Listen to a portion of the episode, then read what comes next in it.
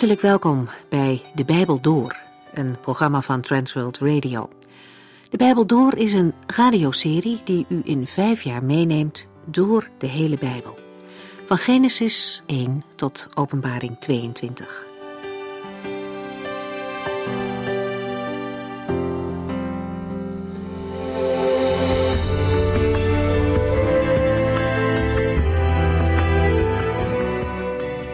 Jesaja 53 beschrijft het lijden van de Zoon van God. Van zijn geboorte tot aan zijn sterven was zijn weg vol moeite, verachting en lijden. En uiteindelijk stierf hij een verschrikkelijke dood aan het kruis. Aan dat kruis nam hij onze plaats vrijwillig in. Hij leed en stierf niet als gevolg van zijn eigen daden, maar hij stierf om onze schuld. Hij nam de straf op zich, zodat God ons vrij kan spreken van alle schuld. De rekening is betaald door Gods eigen zoon. Maar de vraag is wel eens: hoe kan een liefdevolle God dat toelaten? Is dat liefde dat je je eigen zoon aan een kruis laat sterven? God zegt niet dat hij met genoegen zijn zoon liet lijden. We moeten het zien als iemand die zijn leven inzet om vele anderen te kunnen redden. Het was de enige manier om goed te maken tussen God en mensen. Dit geweldig grote offer laat zien hoe groot Gods liefde voor mensen is. En dan past het om heel eerbiedig dank u wel te zeggen tegen deze dienstknecht die zijn leven gaf. God zag om naar mensen en om die reden liet hij zijn zoon gaan. Het betekent echter ook dat God geen genoegen neemt met andere manieren om in de hemel te komen. Door de Heer Jezus hebben wij toegang gekregen tot God. En buiten Hem om is er geen toegangsmogelijkheid. Want in dat geval zou het lijden van de Heer Jezus niet nodig zijn geweest. Als mensen op basis van hun eigen goede gedrag of op wat voor andere manier dan ook in de hemel zouden kunnen komen, dan had Jezus niet hoeven te sterven voor de zonde van de mensen. De Bijbel is daar duidelijk over. De weg naar God is vrijgemaakt. Maar er is slechts één weg, via Jezus Christus. Wie in Hem gelooft, heeft eeuwig leven. Wie niet in Hem gelooft, valt onder Gods oordeel. We lezen nu verder in Jesaja 55.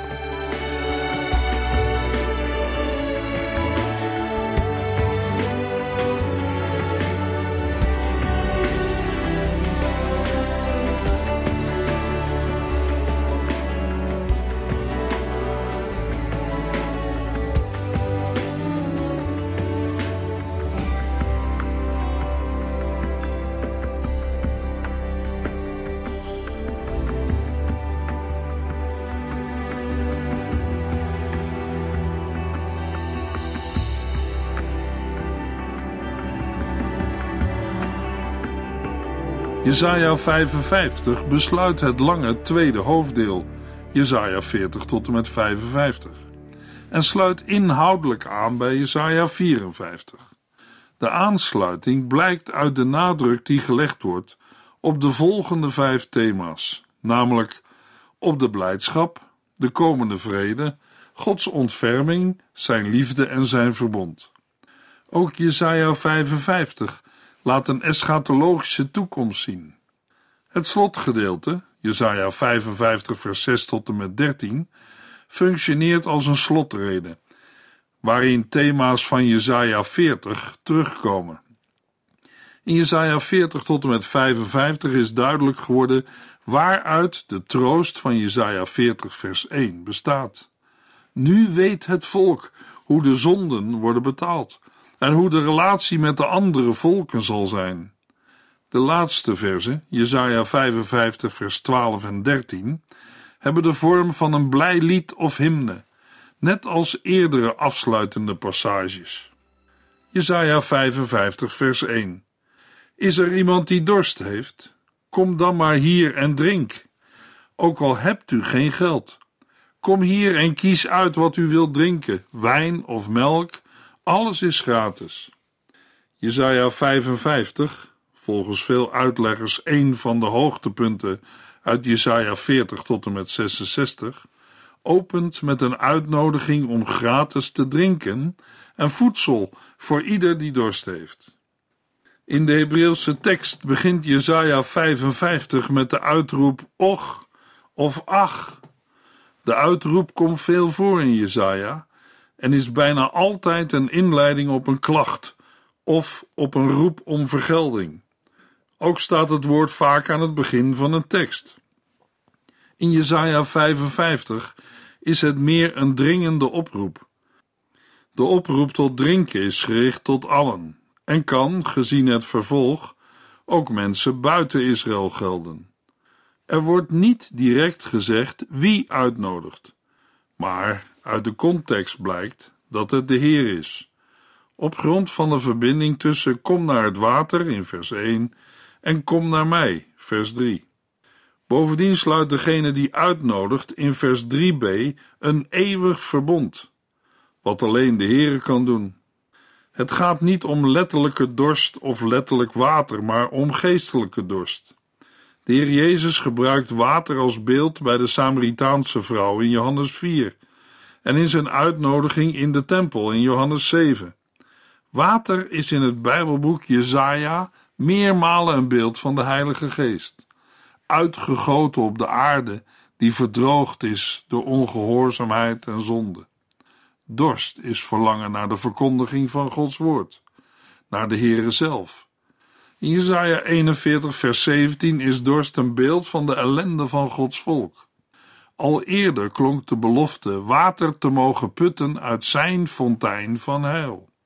Water is hier vooral een van de middelen om te leven en moet niet te veel geassocieerd worden met het water in de toekomstvisioenen van Jeruzalem. Al lijkt er wel een verband met de toezeggingen in Jesaja 54. Voor iedereen is volop water, voedsel, wijn en melk beschikbaar. De genade van de Heere hoeft niet eerst verdiend te worden. Dat kan ook niet. De uitnodiging is verrassend. De dubbele oproep om te kopen en te eten lijkt op het eerste gezicht een uitroep van verkopers, maar toch heel anders. In Jesaja 55 is geen geld nodig. De zegen wordt gratis uitgedeeld. Wat dat betreft liggen de woorden dicht bij de uitnodiging van vrouwenwijsheid in Spreuken 9 vers 5 en 6. De wijsheid heeft alles voorbereid en nodigt mensen uit. Kom, eet van mijn brood en drink de wijn die ik heb klaargezet. Keer alles wat slecht is de rug toe en leef. Kies voor de weg van de ware wijsheid. Tegelijkertijd is het mogelijk dat de woorden de achtergrond vormen van de uitnodiging deel te nemen aan een koninklijk banket, bijvoorbeeld ter ere van de intrede van een koning of de uitnodiging voor een maaltijd om een verbondsrelatie te bezegelen. Opvattingen die beide goed passen bij de versen 3 tot en met 5. Jesaja 55 vers 2 Waarom zou u uw geld uitgeven aan voedsel dat u geen kracht geeft? Waarom zou u betalen voor etenswaren die niets waard zijn? Luister, dan zal ik vertellen waar u voedsel kunt krijgen dat goed is voor uw ziel. Jezaja bouwt voort op het beeld van de levensmiddelen. Waarom kopen mensen in geestelijk opzicht allerlei zaken die het innerlijke leven niet verzadigen? Waarom vermoeien mensen zich met rituelen die weinig opleveren?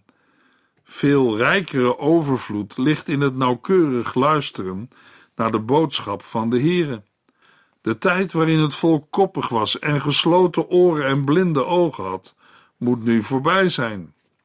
Sion wordt in Jesaja 55 herhaaldelijk gevraagd te luisteren naar wat de mens echt leven geeft. Dan zal de Heere met hen het altijd durende verbond met David opnieuw sluiten. Jesaja 55 vers 3 Kom hier bij mij en zet uw oren goed open. Luister, want het gaat om het welzijn van uw ziel. Ik sta klaar om een eeuwig verbond met u te sluiten en u alle gunsten en liefde te geven die ik ook aan koning David gaf. Het verbond met David valt inhoudelijk ook te verbinden met het verbond van vrede in Jesaja 54 vers 10. Het verbond in Jesaja 54 is gericht op de toekomst, op blijvende goede tierenheid, op verbondstrouw. Daarom wordt er in vers 3 ook gesproken over een eeuwig verbond. De beoogde situatie is eeuwig. Dit verbond met de gelovige Israëlieten, de rest die is overgebleven, is gebaseerd op Gods eerdere beloften aan David. De woorden alle gunsten en liefde te geven wijzen ook op Gods blijvende toezeggingen, die eerder zeker en onfeilbaar werden genoemd. Paulus citeert dit vers in Handelingen 13, vers 34 in verband met de opstanding van Christus uit de dood. Ook hier is de betekenis: de geweldige dingen doen die ik David heb beloofd. David is daarbij ook een verwijzing naar de toekomst, zoals uit het vervolg blijkt. Tegen de achtergrond van falende koningen en het vooruitzicht van een komende ballingschap leek het erop dat Gods verbond met David ten einde was. Maar in Jesaja 55 maakt de Heere duidelijk dat de beloften aan Davids koningshuis absoluut niet voorbij zijn en bevestigt de Heere zijn verbond met David. Jesaja 55 vers 4 Hij, David, bewees mij macht door vreemde landen te onderwerpen. David wordt in vers 4 als getuige genoemd en als koning en heerser over vreemde landen. In het Bijbelboek Jesaja is de naam David meermalen op te vatten als aanduiding van een toekomstige ideale koning uit het geslacht van David. Die koning zal doen wat de Torah gebiedt, de wet van God overbrengen op zijn volk en het recht laten zegevieren. In Jesaja 42 vers 6 zegt de Heere van zijn knecht, Ik, de Heere, heb u geroepen om mijn rechtvaardigheid te tonen. In Jesaja 49 en 52 is hij ook een getuige voor andere landen en getuigt hij ook van zichzelf in Jesaja 53. De ideale koning is de knecht of dienaar van de Heere, uit het geslacht van David. Hem zullen de volken dienen en gehoorzamen. In Psalm 18, vers 44 en 45 zegt David tegen de Heere: U liet mij ontsnappen aan de onlusten onder het volk. U hebt mij aangesteld tot koning over vele volken die ik niet kende. Zij werden aan mij onderworpen. Ze hadden nog maar net van mij gehoord, of zij gehoorzaamden mij al. Vreemdelingen gedroegen zich onderdanig tegenover mij. Zo zal het ook gaan met de ideale koning uit het geslacht van David, Gods knecht en gezalfde. Maar er zullen ook mensen zijn die zich aan hem stoten. In Matthäus 21 zegt de Heer Jezus tegen de Joodse leiders die hem bevragen naar zijn bevoegdheid: U hebt toch wel eens in de psalmen gelezen de steen die door de bouwers was afgekeurd, is juist de hoeksteen geworden. De Heere heeft daarvoor gezorgd en wij zien het als een groot wonder. Wat ik wil zeggen is dit: God zal zijn koninkrijk bij u weghalen en het geven aan een volk dat hem geeft wat hem toekomt. De Heere zegt van zijn dienaar in Jesaja 55 vers 5: Ook u zult de volken bevelen en zij zullen zich haasten om u te gehoorzamen, niet vanwege uw eigen macht of kunde, maar omdat ik, de Heer uw God, u hebt verheerlijkt. Waarom zullen de volken gehoorzamen? Om met het overblijfsel of de rest van Israël deel te hebben aan het Messiaanse heil. Als Israël haar Messias in Jezus Christus heeft gevonden, zullen zij de volken oproepen om naar Jeruzalem te komen, om daar de Here te aanbidden. Onbekende volken worden geroepen. Gaat het hier om de eerdere uitnodiging aan Sion, die ook bestemd is voor andere volken? Niet alleen de context lijkt dit aan te geven, ook de rol van de knecht in Jesaja 49 en de velen in Jesaja 52 vers 15. Ze wijzen in dezelfde richting. Het woord volk in de Hebreeuwse tekst mag dan ook als collectief worden opgevat. De internationale optocht in Jesaja 2 en 60 naar de stad van David toont de wereldwijde dimensie van de knecht en de ideale koning uit het geslacht van David. Het getuigenis van deze koning leidt ertoe dat andere volken zich haasten om de Heere, de Heilige van Israël, te zoeken. De Heere heeft de koning hiertoe verheerlijkt. Zijn verheerlijking staat parallel aan de verheerlijking van de knecht, wat een identificatie van beide bepleit. Volken die de Heere niet kenden, worden door hem geroepen en zij zullen zich haasten om hem te gehoorzamen. Jezaja wist in zijn tijd niets over Nederland, maar wij zijn wel in deze profetie besloten. Jezaja 55 vers 6 Zoek naar de Heere, zolang hij zich nog laat vinden. Roep tot hem, nu hij nog dichtbij is. Gehoor geven aan de uitnodiging van de Heere bestaat in het terugkeren naar hem. Wie de Heere zoekt en aanroept, zal hem vinden. Zoals in vers 6 en ook op andere plaatsen in de Bijbel wordt beloofd. Hij is nu dichtbij. Maar de woorden zolang hij zich nog laat vinden houden in dat er een tijd komt dat de Heere niet te vinden zal zijn. Mogelijk denkt Jezaja daarbij aan de mogelijkheid dat de Heere zich verbergt voor wie hem nodig hebben, omdat zij schuld hebben aan hun lot. De Targum, een Aramese vertaling van delen van het Oude Testament, voegt als uitleg toe: zolang u leeft, en vermijdt zo de idee dat de Heere ooit onbeschikbaar zou zijn. De Heere kan zich tonen aan wie hem niet zochten, en hij laat zich nu vinden door deze uitnodiging. De tweede helft van vers 6 houdt in dat dit niet altijd het geval hoeft te zijn. Psalm 32, vers 6 geeft aan, met de woorden: Laat iedere gelovige veel tot u bidden, nu u zich nog laat vinden, dat er ook een tijd kan komen dat de Heere zich niet laat vinden. Daarom geldt vandaag, ook voor u, jou en mij, zoek naar de Heere, zolang hij zich nog laat vinden. Roep tot hem, nu hij nog dichtbij is. Soms wordt hierbij de tegenwerping gemaakt dat dit voor vandaag geen juiste oproep is, omdat niet wij, maar eerder God verloren mensen zoekt. Dat is zeker juist. Maar niettemin is de oproep in Jesaja 55 ook voor vandaag, omdat daarmee de eigen verantwoordelijkheid van een mens wordt aangeduid. Het is te vergelijken met het grijpen van de toegeworpen reddingsboei door een drenkeling. In Johannes 6, vers 37 zegt de Heer Jezus: Alle mensen die de Vader mij geeft, zullen naar mij toekomen. En als iemand bij mij komt, zal ik hem nooit wegsturen. Een mens kan passief langs de kant blijven zitten en argumenteren dat hij of zij niet bij de uitverkorenen hoort. Maar als er een verlangen is om tot Christus te gaan, dan komt dat verlangen van de Heilige Geest. En als iemand bij mij komt, zal ik hem nooit wegsturen. Het komen tot hem is de eigen verantwoordelijkheid van ieder mens. Maar waaruit blijkt dan dat het echt is? Uit de daden die daarna volgen.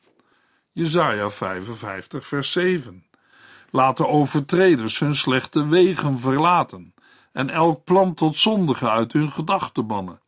Laten zij naar de Heere onze God terugkeren, dan zal Hij zich over hen ontfermen, want Hij vergeeft grenzeloos veel.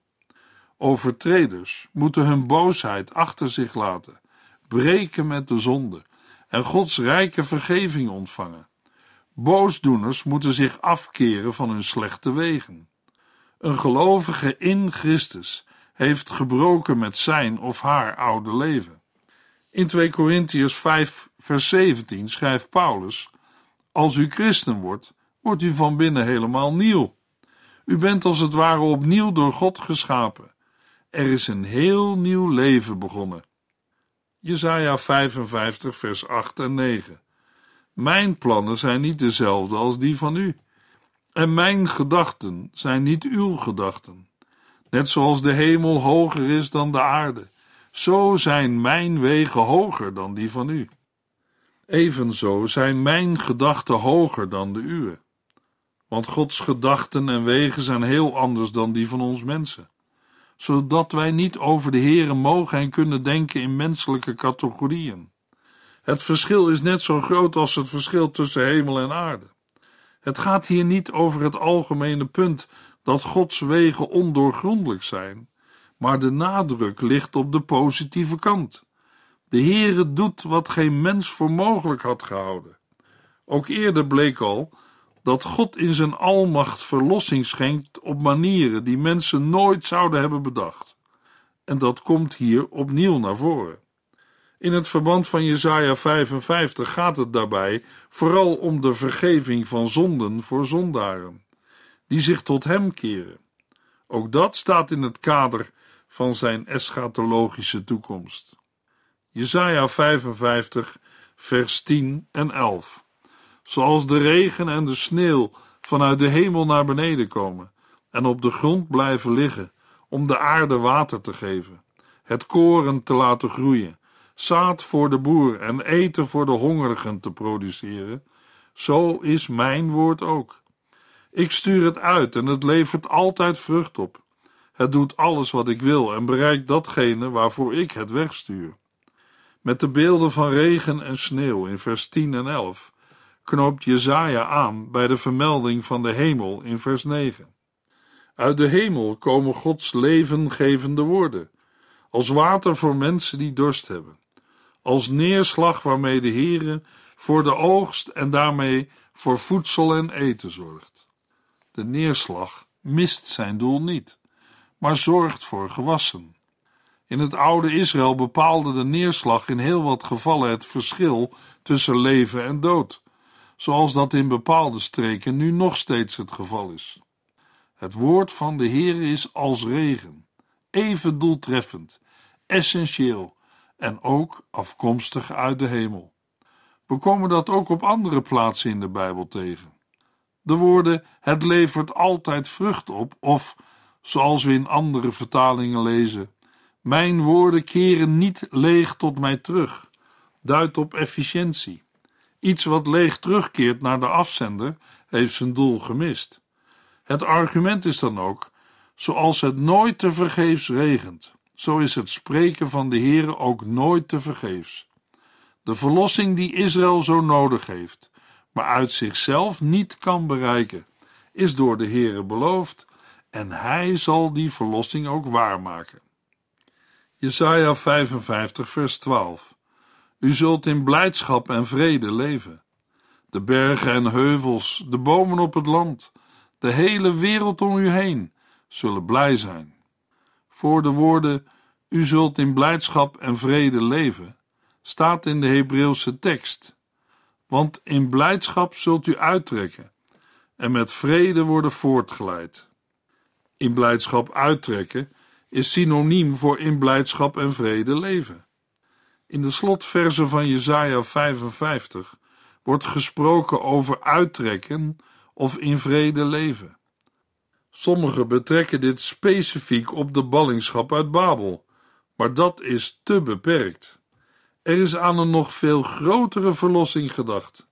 Het uittrekken leidt tot een visioen van een eschatologisch herstel, waarin de hele schepping getuigt van het herstelwerk van de Heere. De bergen en heuvels, de bomen op het land, de hele wereld om u heen zullen blij zijn. Dergelijke uitingen van vreugde vinden we ook op andere plaatsen in de Bijbel. Zoals uit het vervolg blijkt, gaat het hier niet alleen om beeldspraak, maar is er ook een vernieuwing van de schepping. Jesaja 55 vers 13 Waar eens doornstruiken groeiden, zullen cipressen staan. In plaats van distels zullen meerterstruiken uit de aarde opschieten.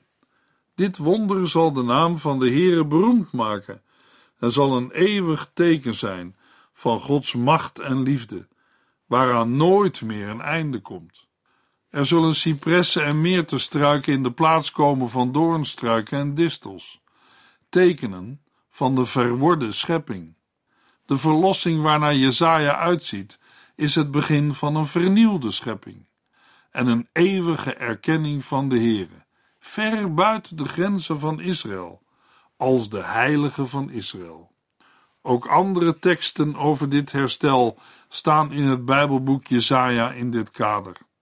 Dit wonder zal de naam van de Heere beroemd maken en zal een eeuwig teken zijn van Gods macht en liefde, waaraan nooit meer een einde komt.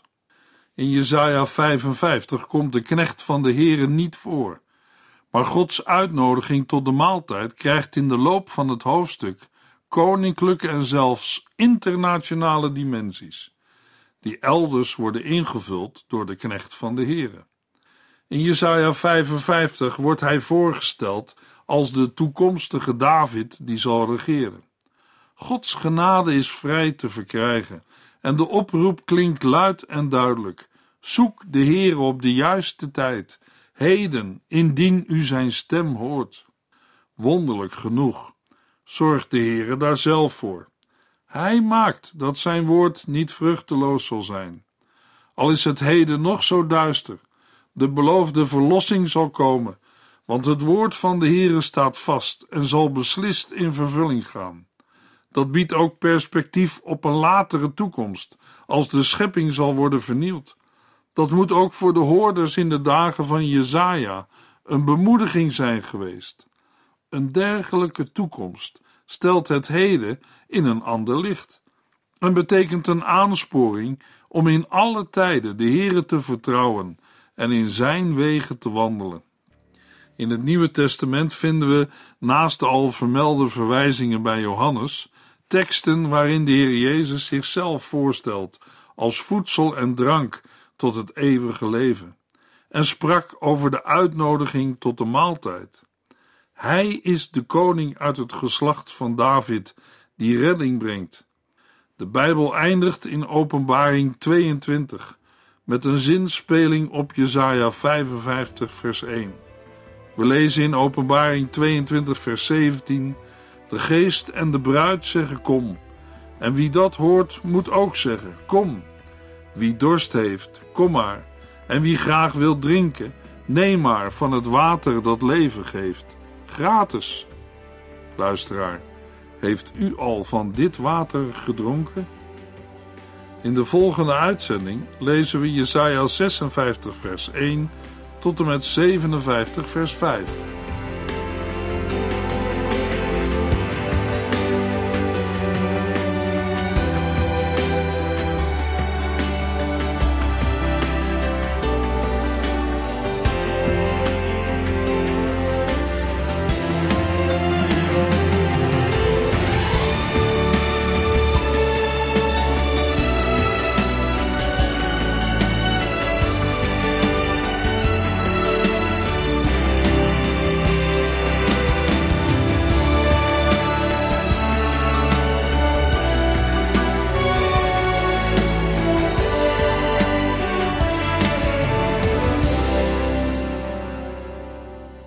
Geluisterd naar De Bijbel Door. In het Nederlands vertaald en bewerkt door Transworld Radio. Een programma waarin we in vijf jaar tijd de hele Bijbel doorgaan. Als u wilt reageren op deze uitzending of u heeft vragen, dan kunt u contact met ons opnemen. Tijdens kantooruren kunt u bellen op 0342 47 8432. 0342 47 8432. 32. Ook kunt u een e-mail sturen naar de Bijbel door transworldradio.nl en natuurlijk kunt u ook via de post ons bereiken. TWR, postbus 371, postcode 3770, AJ in Barneveld. Dit programma werd gepresenteerd door Cor Weda en Ike André. Techniek was in handen van Odin van Woerdekom. En wij allemaal bedanken u voor het luisteren. Graag tot de volgende keer.